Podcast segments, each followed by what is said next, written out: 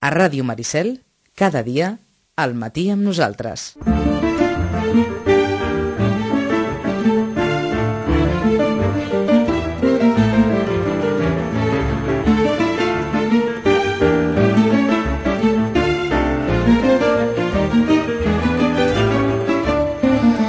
Un quart de dotze. Bones notícies en l'àmbit del món de la literatura. Per dir-ho d'alguna manera, la, la pitjor notícia és la certa controvèrsia que ha creat la Setmana del Llibre en Català que se celebra a Sant Cugat, en parlarem ara d'aquí uns moments, però per la resta bones, a Barcelona s'ha inaugurat una nova llibreria, ho comenten molts, molts, molts dels articulistes dels diaris, la llibreria Bertran. Eh, també són notícia, les germanes Forrellat, totes dues, apareixen en, en molts dels diaris, tant la Lluïsa Forrellat com la seva germana Francesca, una trajectòria literària de totes dues, molt, molt, molt, molt discreta, molt amagada dins la seva vida quotidiana. L'avui en parla amb un article molt bonic que es titula Novel·là a foc lent. Lluïsa Forrellat presenta la quarta novel·la i la seva bessona, Francesca, debuta amb una obra inspirada en Guifreu Pilós, que totes dues tenen més de 80 anys i que ara han vist reviscolar una carrera literària i una vocació que han mantingut, diguem-ne, la rereguarda durant bona part de la seva vida. Que Isabel Clara Simó rep el 13è Premi eh, Trajectòria, en definitiva.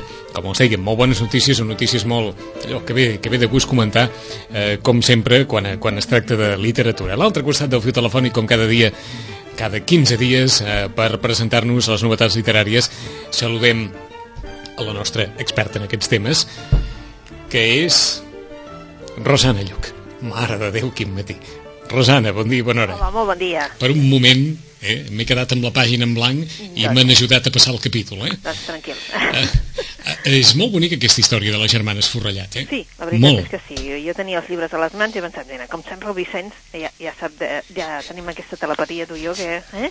sense dir res. Una, una història molt maca, Sí. de, de veritat, com es pot començar una... Com no hi ha edat per, per les vocacions, veritablement, si aquestes són, són de debò i com poden travessar el temps i les circumstàncies i que es puguin desenvolupar en un moment de la vida encara que per moltes persones, doncs, a partir dels 80, doncs, la vida ja es vegi d'una altra manera, en canvi, per, per la Francesca i la Lluïsa Forrellat, doncs, aquest pas a la vuitantena us ha portat doncs bé, a poder desenvolupar la seva vocació i amb èxit, segons sembla, eh? Sí, la veritat és que sí. Jo quan primer, quan va, si te'n recordes, quan va sortir el foc latent de la Sí. sí. Forrellat va ser...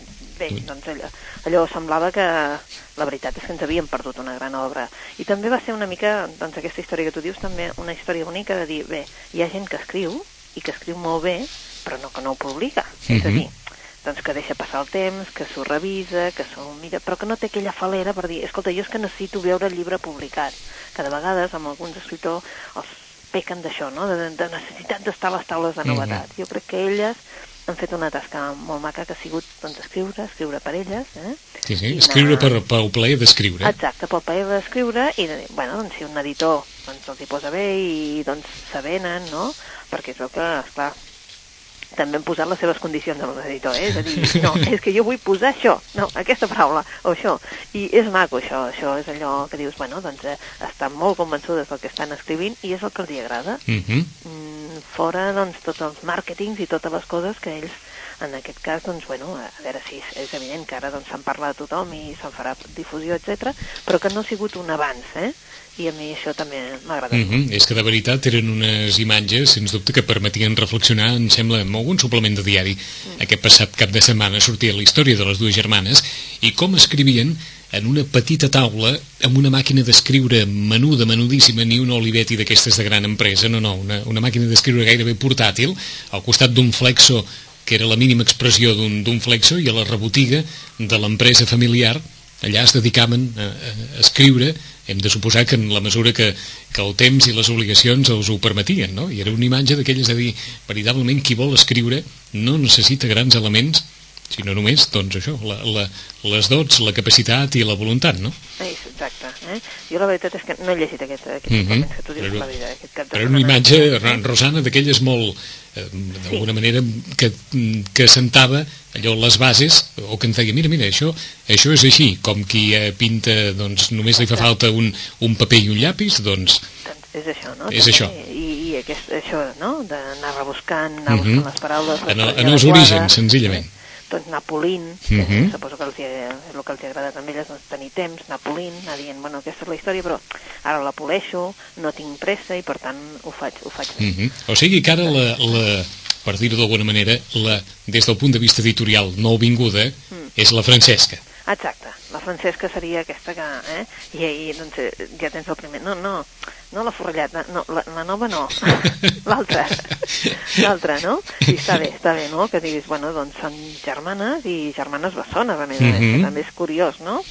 I clar, i sobretot això que tu dius, no? Que ho faci amb més de 80 anys, això ja és, Home, doncs, extraordinari. feia, feia temps que no passava això, eh? Apareixen totes dues fotografiades, cadascuna amb el seu llibre, a les pàgines interiors de l'Avui, a la sala d'actes de l'AFNAC de, de Barcelona.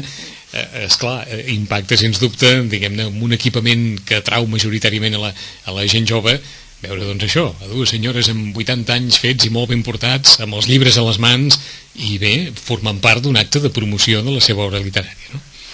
Sí, també, també és cert que suposo que la, la, la manera d'escriure i tal apela més a un públic més, més adult. Eh? Mhm, això està clar. Eh? Perquè doncs, és un català doncs, eh, molt correcte, és un català doncs, no? Mm, diguéssim que no, no està buscant eh? no està buscant aquest públic eh? Mhm. no busca públic perquè llegeixi, sinó una persona que està convençuda del que ha fet i bé, aquesta és la meva obra i aquí la teniu, no? D'acord, doncs és, és maco. la, la Francesca s'ha ficat amb, amb, bé, amb una obra que té molt de, de novel·la històrica, Sí, basada en un personatge... Amb, sí amb també, no? Un amb- personatge com... No. Anava a dir amb la mare dels ous, amb Guifreu eh? Pelós, no? Sí, Guifreu Pilós, sí, sí. Eh? I la veritat és que també quan jo només he llegit eh, doncs allò, el típic, un capítol per veure què, i llavors veus que té un ritme, un ritme narratiu, la veritat, eh, mm, que, que, que fa que continuïs doncs, eh, llegint, que té un llenguatge més aviat ric, hem de dir, eh? Mhm. i que la veritat és que s'ajusta molt doncs allò, no?, a la manera de... Tu et fa molt la sensació de que estàs en aquella època, no? No és allò, aquestes thrillers històrics que tenim darrerament, sinó no, és una novel·la històrica, no un thriller històric, una novel·la històrica, no? I bueno, que ens aconsegueix doncs, a, a tots plegats transportar-nos al segle IX, eh? Bueno, i la veritat en aquella època, no?, doncs entre, hi havia allò, eh?, musulmans, cristians que disputaven tots plegats el domini, eh? Doncs això, no? La Mhm. vostra sang, que és el títol, eh? que és, a més a més, doncs clar, la portada del llibre ja es veu que hi ha, no?, doncs els quatre, els quatre dits de les quatre Sí, barres, eh? sí, sí, sí, sí. I esclar, doncs eh, és allò, no? Ens porta a, les batalles, les disputes per poder, la- l'acció de govern del, del Guifret, eh? I, a més a més, esclar, hi ha tota una altra vida, no? La vida de sota, diguéssim, no? La vida quotidiana, doncs, d'aquells dels artesans, dels servents, dels clergues, dels senyors, dels senyors de les guerres, dels musulmans, de tots plegats, no? I la veritat és que és una novel·la doncs, que jo crec que serà també una de les novel·les del Sant, de Sant Jordi. Mhm. Francesca Forrellat diu que vaig trobar un personatge que em va inspirar, però era d'un segle molt desconegut per mi i em va obligar a documentar-me molt, tot i que sempre m'he dedicat a la vida familiar, estonetes anava fent. I com que anava fent estonetes, l'obra ha quedat enllestida després de 20 anys, És curiós, no? Ella... després de 20 anys. Eh? I diu que no en té cap a la, al calaix, eh? O sigui no, que... bueno, doncs així no... no bueno, sí, haurem Que- d'esperar que em faci una... que si ara eh? troba un altre motiu començarà a escriure, però de moment no en té cap altre al calaix. En canvi, la de la Lluïsa Sí. situa la Barcelona de l'any 1962, el primer assalt, eh? és la primera obra de Lluïsa Forrellat, diuen, ambientada en una època que va conèixer, la Barcelona del 62.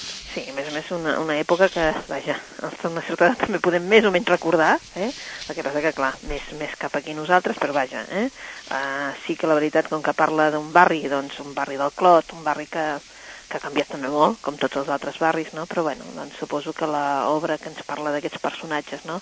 D'un senyor, d'un propietari d'un taller mecànic, que ens l'imaginem, no? Mhm. que, bé, casat amb un fill, no?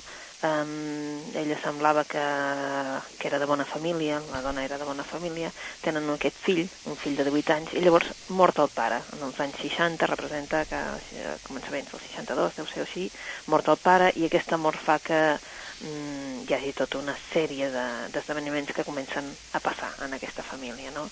El Juli, doncs, que és el fill, doncs, que és un noi doncs, que aprèn de comptable, que fa boxa, és completament diferent dels pares, és clar, també ha tingut una formació diferent i eh, llavors, eh, en definitiva, eh, comencen a tenir la, la, la mare, la, la Jacinta torna a tindre relacions amb, els seus, amb la seva família, que l'havien, evidentment, l'havien diguem-ne, que apartat una mica de la família, donat que s'havia volgut casar amb aquest noi que era el Manel Fonset, que és el que ha mort ara, que és el propietari del taller mecànic, i que la veritat és que un propietari de taller mecànic amb una família una mica pudent doncs no hi feia res i per tant doncs l'havien com aquell qui diu repudiat. I en canvi el Juli vol continuar el negoci del seu pare i també doncs evidentment té una nòvia, una nòvia embarassada, um, bé, doncs ja sembla doncs, que ja comencem una altra història, no?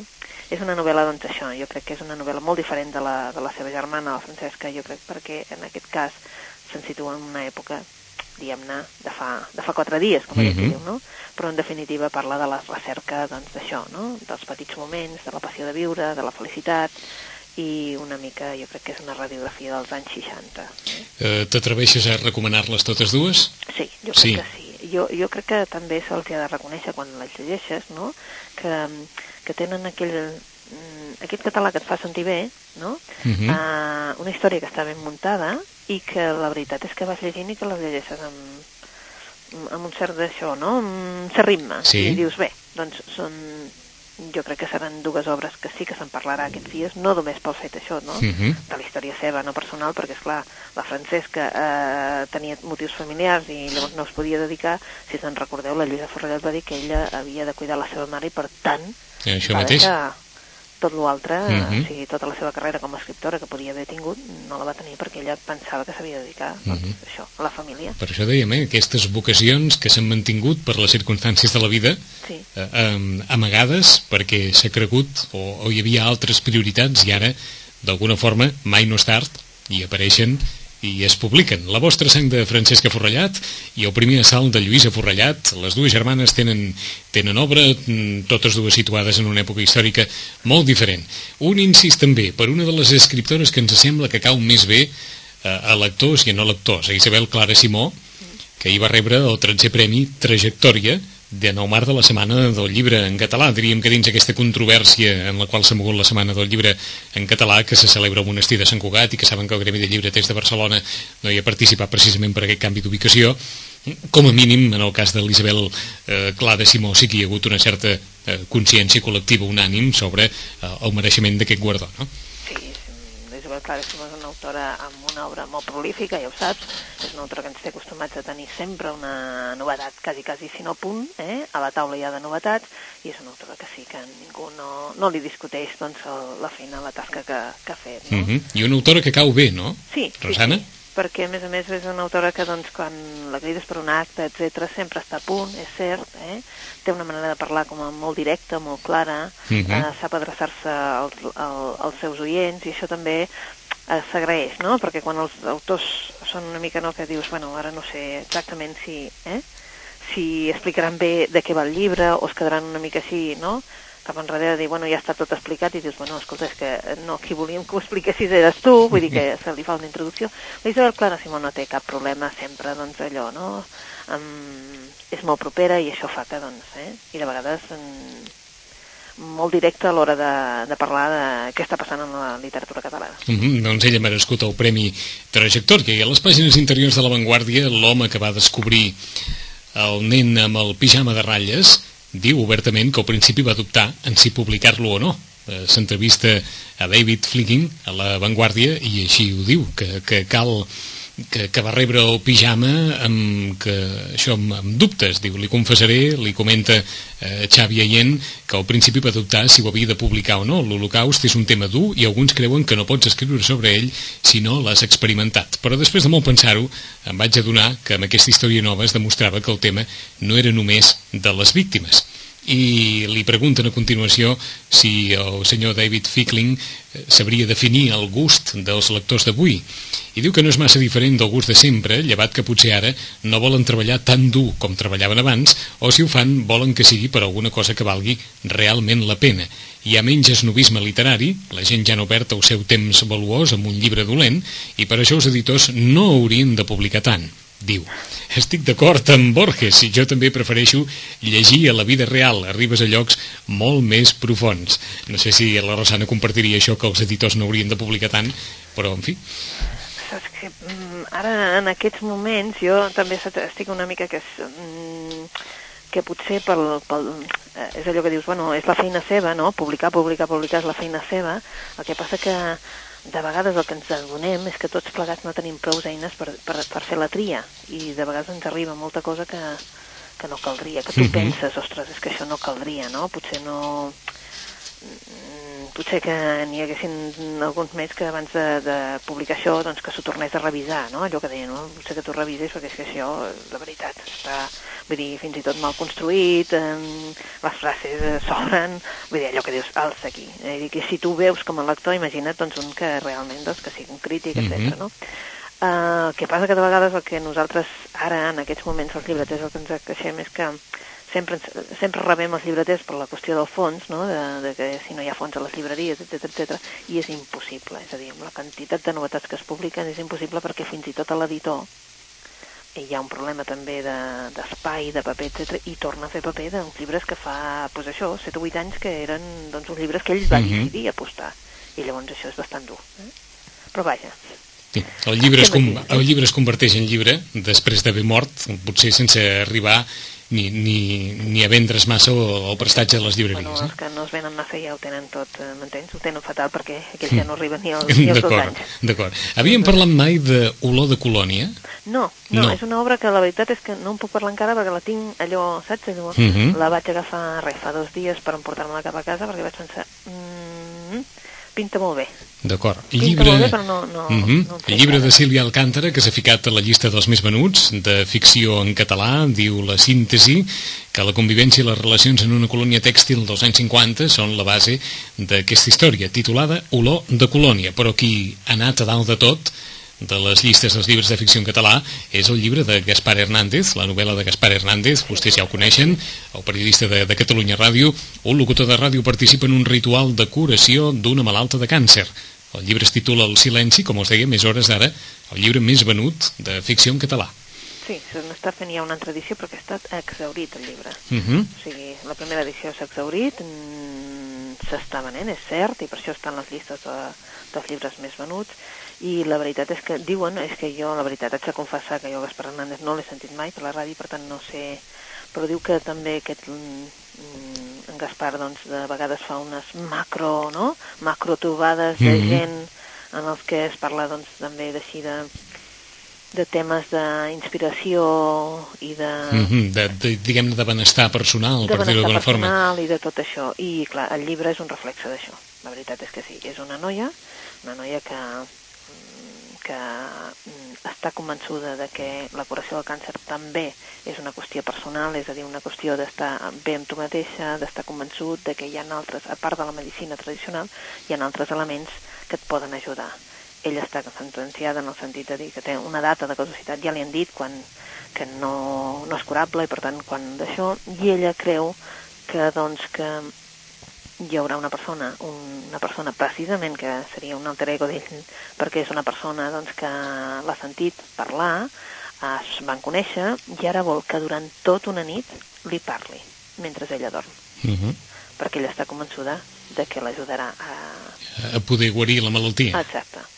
Um, és un llibre diferent, ja ho veieu, és un llibre diferent, un llibre doncs, que d'acció no n'hi ha, ja ho veieu, um, i la veritat és que sembla ser que o bé l'autor o, o bé el tema agrada perquè s'està venent molt. Mm -hmm. Jo no es puc dir més perquè la veritat és que és aquest tema i la veritat és allò mm -hmm. que hi mhm. entres o no hi entres. Eh? D'acord, en deixem constància perquè la resta són llibres que la Rosana ens ha recomanat ja en més d'una ocasió. S'incorpora també a la llista de llibres en castellà eh, la darrera obra de Maruja Torres, mm aquest Esperadme en el cielo dedicada a Terenci Moix i a Manuel Vázquez Montalbán i, i diguem-ne aquesta juguesca entre els tres eh, del retrobament en el nou paradís s'ha ficat gairebé a dalt de tot de la llista de llibres en, en castellà però les recomanacions per on podrien començar, Rosana? Doncs bé, podríem començar per, uh, per títols molt diferents eh, tenim per exemple els que els agradi la, la novel·la així més d'intriga tornem a tenir la Petra delicada entre nosaltres ara també en català eh? El silenci dels claustres, de la Alicia Jiménez Barlet, eh? és una novel·la doncs, d'intriga, una novel·la en la que us deia, eh? que ens porta als dies de la la ciutat, aquells dies convulsos de, de la Setmana Tràgica, per uh -huh. tant, estem a Barcelona, i el silenci dels claustres ens parla d'un frare del monestir de Poblet, expert en art, que mor assassinat mentre treballava en, en la restauració d'un cos, un cos incorrupte exposat en una capella. Eh?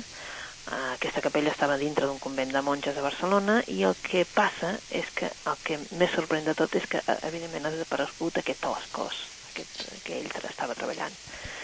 Bé, hi ha un desconcert general, eh, sembla ser que hagi estat un fanàtic religiós i la Petra Delicado, aquesta inspectora amb el seu ajudant de sempre, el Fermín Garzón, es documenten sobre fets històrics que els resulten realment força llunyans.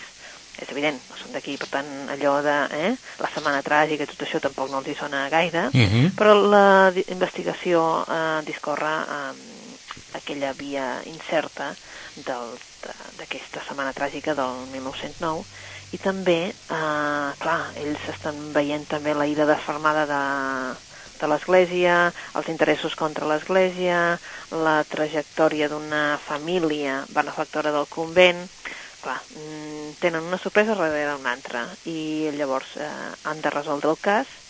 I la veritat és que la Petra Delicado, doncs, aquests dominis del silenci és, és a pensar que, bé, que passa alguna cosa que ningú de nosaltres encara pot sospitar-ho. Posa a prova una altra vegada la Alicia Jiménez Barlet eh, l'habilitat per a aquestes trames inesperades, per també veure què hi ha darrere de tot ésser humà i que de vegades els interessos no són tan filantròpics com semblen, etc etc. És Barcelona, uh mhm. -huh. és una novel·la d'intriga i ens presenta un personatge que és la Petra Delicado que tots ja coneixem. En versió catalana? En versió catalana. Versió catalana, eh? Sí, en versió catalana també hi és en castellà, però uh -huh. la, mhm. qüestió és que Destino ha decidit doncs, donar el pas i fer-la també en català. Eh? si no sempre tenim traduccions eh, de gent de fora, però ara sí. bueno, doncs, i, i, de, i dels d'aquí, doncs bé, doncs doncs, també. Que quedi clar que Petra Delicada, en versió catalana, El silenci dels claustres, novel·la ambientada en l'entorn de la Setmana Tràgica del 1909, l'assassinat d'un frare del monestir de Poblet que estava analitzant un cos que després resulta que desapareix també en la trama de la novel·la. Per on seguim?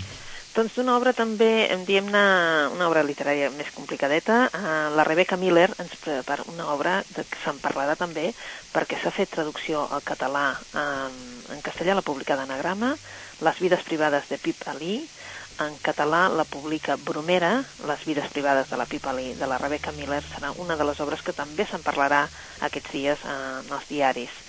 És una obra més complexa, és una obra que la Pip Ali representa que és... Eh, una noia que va tenir una infància complicada, una adolescència també més o menys eh, turbulenta i mm, la veritat és que qui la va rescatar va ser un, un senyor que es convertirà en el seu marit, un, un editor, un editor ric, uh mhm. -huh. evidentment molt més gran que ella, com uns 30 anys més gran que ella, uh, ara ja estan a la maduresa, aquest senyor ja té 80 anys, decideix retirar-se. Tenen dos fills, el Herb ja ha fet 80 anys i per tant decideix que ja ja n'hi ha prou i encara que també, encara és molt vital i vol retenir el control de l'editorial, eh, ha decidit doncs, doncs, vendre les seves propietats i fer un altre tipus de futur. Tenen una casa molt elegant, els, els pisos de Nova York tot sud, mm? vol repartir els diners entre la seva dona i els seus fills per evitar-li doncs, això, sobretot pagar impostos quan ell mori, però després la Pipa i el Herb es retiren amb una urbanització per la tercera edat. Mm? Ella només té 50 anys, sí. eh, evidentment és la més jove, perquè tothom està retirat allà, i tot sembla que s'adapta força bé, el Herb continua doncs, una miqueta doncs, controlant l'editorial, malgrat que ja només és de temps parcial, amb les seves eh, activitats com a editor, etc. i la Pipa continua sent esposa, mare, però és clar, és que els fills ja són independents Uh, abans tenia una gran casa, una vida social intensa i ara uh, una mica tot això és una paròdia, no? Perquè, vaja, és uh, aquests uh, llocs mm, que semblen d'or per retirats de amb molts diners uh mhm. -huh. i la veritat és que l'activitat és només un simulacre, eh? El que fa és que, en definitiva, allà doncs, la gent està retirada, el que espera és, doncs, això, morir-se, no? La Pepa el que comença és a sofrir, a patir uns atacs de, com de sonambulisme, um, fa coses que no faria, menja massa, fuma massa, beu massa, uh, condueix massa ràpid, i bé, mm, ja no sap qui és. I la veritat és que comença a recordar el que va ser. Um, bé, va ser una adolescent fatal, la seva mare mm, amb ella va fer el que va voler i tal, uh, va ser amant de, també de la seva tia, uh, vull dir, va ser una mica una adolescència que voldria no recordar, però que ara li torna. Eh? En definitiva, és una retrobada amb els inferns, una retrobada amb tot allò que ella, en definitiva, no ha explicat mai. Per això són les vides privades de Pipa Lee. Mm. Una novel·la més complexa, eh, no té res a veure amb les que estàvem ara comentant, mm, no. però que també és una novel·la molt ben escrita. Sona, sona, sona més dur, això, eh? Sí, molt més dur, molt més dur. Eh? Que dona, dona la sensació que comença com si això fos Pigmalió i acaba, i acaba malament, això, eh? Mm, sí, és mm. una mica, doncs, això, no? Eh, hi ha tot aventures amoroses, traïcions, eh, comença a trontollar tot, no? Eh, hi ha molta confusió, eh, molta passat que s'havia oblidat i que, que retorna i també hi ha una, potser una enyorança, perquè, és clar la vida que ara porta tampoc no és una vida, eh, en definitiva és com a bastant complexa. Mm -hmm. Les vides privades de la Pipa Lee, novel·la de Rebecca Miller, una altra de les recomanacions d'avui, una altra. Una altra. Ara sí tenim el, un una que ha estat premi, Premi Biblioteca Breve de Sex Barral, és un premi que, bé, que se'n parla molt en els moments en què surt i després depèn de si l'autor és conegut o no és conegut, etc etc se'n parla més o no. La Clara Usson va guanyar fa potser un mes i, i poc més el Premi eh, Biblioteca Breve 2009 amb una obra que es diu Corazón de Napalm i en aquesta obra es parlen, de, en definitiva, de, com de dues històries. Eh? Estem a l'any 84 i en Fede acaba de complir 13 anys. Eh? Ja no és un nen, és un adult. Més que un adult, és un problema, en definitiva. Eh? Um, és un adult que quan comença l'obra doncs està eh, amb una platja, mm, treu una bossa i està plena de calces, calces de dona, i en definitiva no és que en tingui dos o tres, és que en té tot un reguitzer eh? i l'esposa allà parla d'això es troba amb un, amb un, amb un trotamons d'aquests d'aquests de gent que, bé, que ell se'l treu de sobre però en definitiva veus que ell ha tingut mm, diguem-ne males experiències és un nano que s'ha fet massa gran, massa de cop eh, mm, s'ha fet eh, massa gras eh, ningú no el té massa d'això el seu pare s'ha tornat a casar amb una dona que no és la seva mare i és ell qui té la, qui ho té amb ell. Aquesta dona acaba de tenir una, altra, una criatura, només fa un any que ell tenia la seva mare al costat i eren un matrimoni, eh, diguem-ne, atípic. Eh, quan vas veient la història veus que era un matrimoni totalment atípic. El seu pare eh, era una persona de diners que es va casar amb una dona perquè li va venir de gust, la seva família el va repudiar i en definitiva l'únic que fa la família, l'avi, eh, que té molts diners, que uh -huh. sempre va en traje, etc, és cuidar-se de que aquest nano eh, tingui una educació. En definitiva, mmm, són un matrimoni que veu, que té una llibertat així sexual que no és normal, uh, i un dia passa um, un incident, un incident que fa doncs, que el seu pare eh, marxi i que la seva mare doncs, eh, l'agafi impresa, per dir-ho d'alguna manera.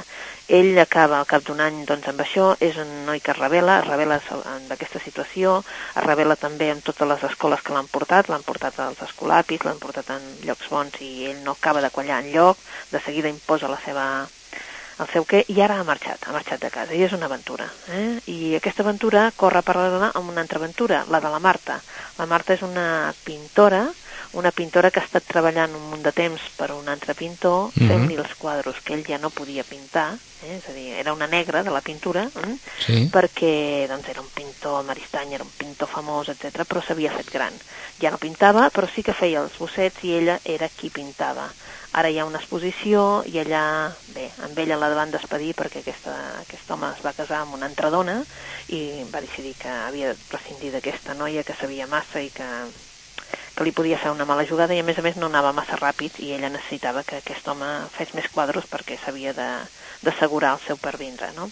En definitiva, són dues històries paral·leles, dues històries que veiem que en definitiva és això, la, la recerca de la felicitat tant d'un personatge com de l'altre, la recerca d'un món en el que ni els entenen ni, ni ell l'entenen, ni ells l'entenen, i la Clara Ozon el que, la, la Clara Ozon el que fa és mantenir-nos a nosaltres amb aquestes dues eh, narracions que estan, com si diguéssim, entrelligades, malgrat que tu no veus cap enllaç, perquè és evident que són dos mons totalment a part, uh -huh. i al final hi ha un final, un final sorprenent. Mm?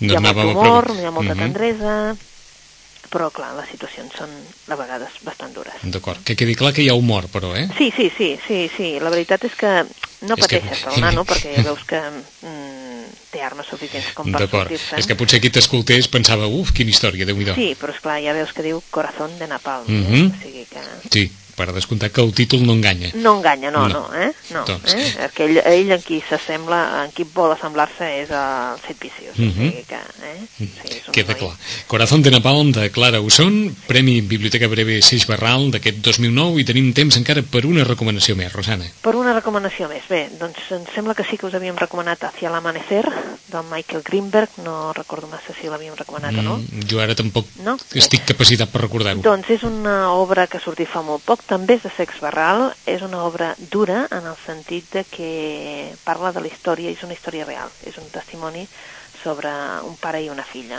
Un pare eh, que és periodista, que fa articles, etc etc, que té un germà que té alguna deficiència i per tant l'ha d'estar controlant perquè uh mhm. -huh. s'ha decidit independitzar però ell és qui el controla una vegada al mes de fer-li la compra, etc etc perquè no, no es destroti gaire eh? I que en definitiva eh, està separat, viu amb una altra dona, però té una filla d'uns 15 anys i un fill que ja està independitzat. Aquesta filla de 15 anys que ell doncs, hi tenia una relació molt maca i que la trobava genial i que pensa que és superintel·ligent, etc etc, de cop i volta, de cop i volta té un, una crisi nerviosa i perd la raó. Mm? A partir d'aquest moment el pare i la filla entren en un món paral·lel, no? Però és clar, és un món que ell no voldria però que està transformant les seves vides. Eh?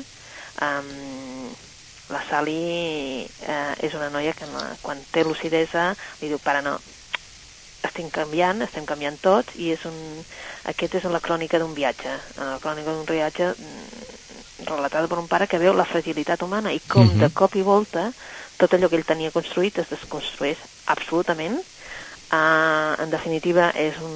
Quantes persones ho deuen haver pensat, això, eh, en algun moment? Sí, sí, uh -huh. sí. La veritat que és un, un viatge... Saps allò? Un viatge a, a la bogeria, que tu veus com ella està entrant amb això, com el pare uh, no voldria, no vol uh, acceptar aquesta veritat, uh -huh. com ella li diu, és que és això, no? I com... És un llibre que, doncs, que, que és d'un aquest sentit què passa? Doncs que està tan ben escrit, eh? el veus tan proper, perquè com que és el pare realment qui l'escriu, i és mm -hmm. el mhm. Michael Greenberg, és, el, és autor de, de, del Times Literary Review, etc. O sigui que és un autor que, que sap escriure i ho escriu molt bé, i és un testimoni sobre això, sobre la força de l'amor entre el pare i una filla, llavors de com eh, l'amor doncs, fa que, que t'hagis d'enfrontar amb situacions que dius, bueno, no podré, no podré, uh -huh. i sí. Eh? I acaba acceptant que la genialitat artística de la seva filla, en definitiva, no és res més que una malaltia mental. El llibre es titula, Rosana? Hacia l'amanecer, eh? com si fos un despertar. No? Uh -huh. Hacia l'amanecer. Hacia l'amanecer, eh? de Michael Greenberg, editat eh, per Seix Barral també, una història dura sobre com aquest món tan estructurat es pot fer malbé d'un dia per altre i un viatge, com ens deia eh, la Rosana, per la fragilitat humana. Està la nostra darrera recomanació. Hem començat per una novel·la d'intriga, la més lleugera, diguem-ne, de totes les que ens ha proposat la Rosana, un nou capítol de la vida eh, professional de Petra Delicado, El silenci dels claustres, aquesta vegada amb edició en català, d'Alicia Jiménez Barlet, després de Rebecca Miller, una història també eh, dura, eh, titulada Les vides privades de la Pipa Lee. Rebecca Miller ens fica amb una noia que ha tingut molts problemes en l'adolescència i també amb la infantesa i el retroba ja a la bellesa en, situada en una residència de la tercera edat i li torna al cap el retrobament amb els seus inferns particulars. Corazón de Napalm, de Clara Usson, Premi en Biblioteca Breve, Seix Barral, també és una altra de les recomanacions que ens ha deixat la Rosana, que retrobarem d'aquí 15 dies en el nostre habitual temps pels llibres. Rosana, fins aquí 15 dies. Fins aquí 15 dies. Adéu-siau. Ràdio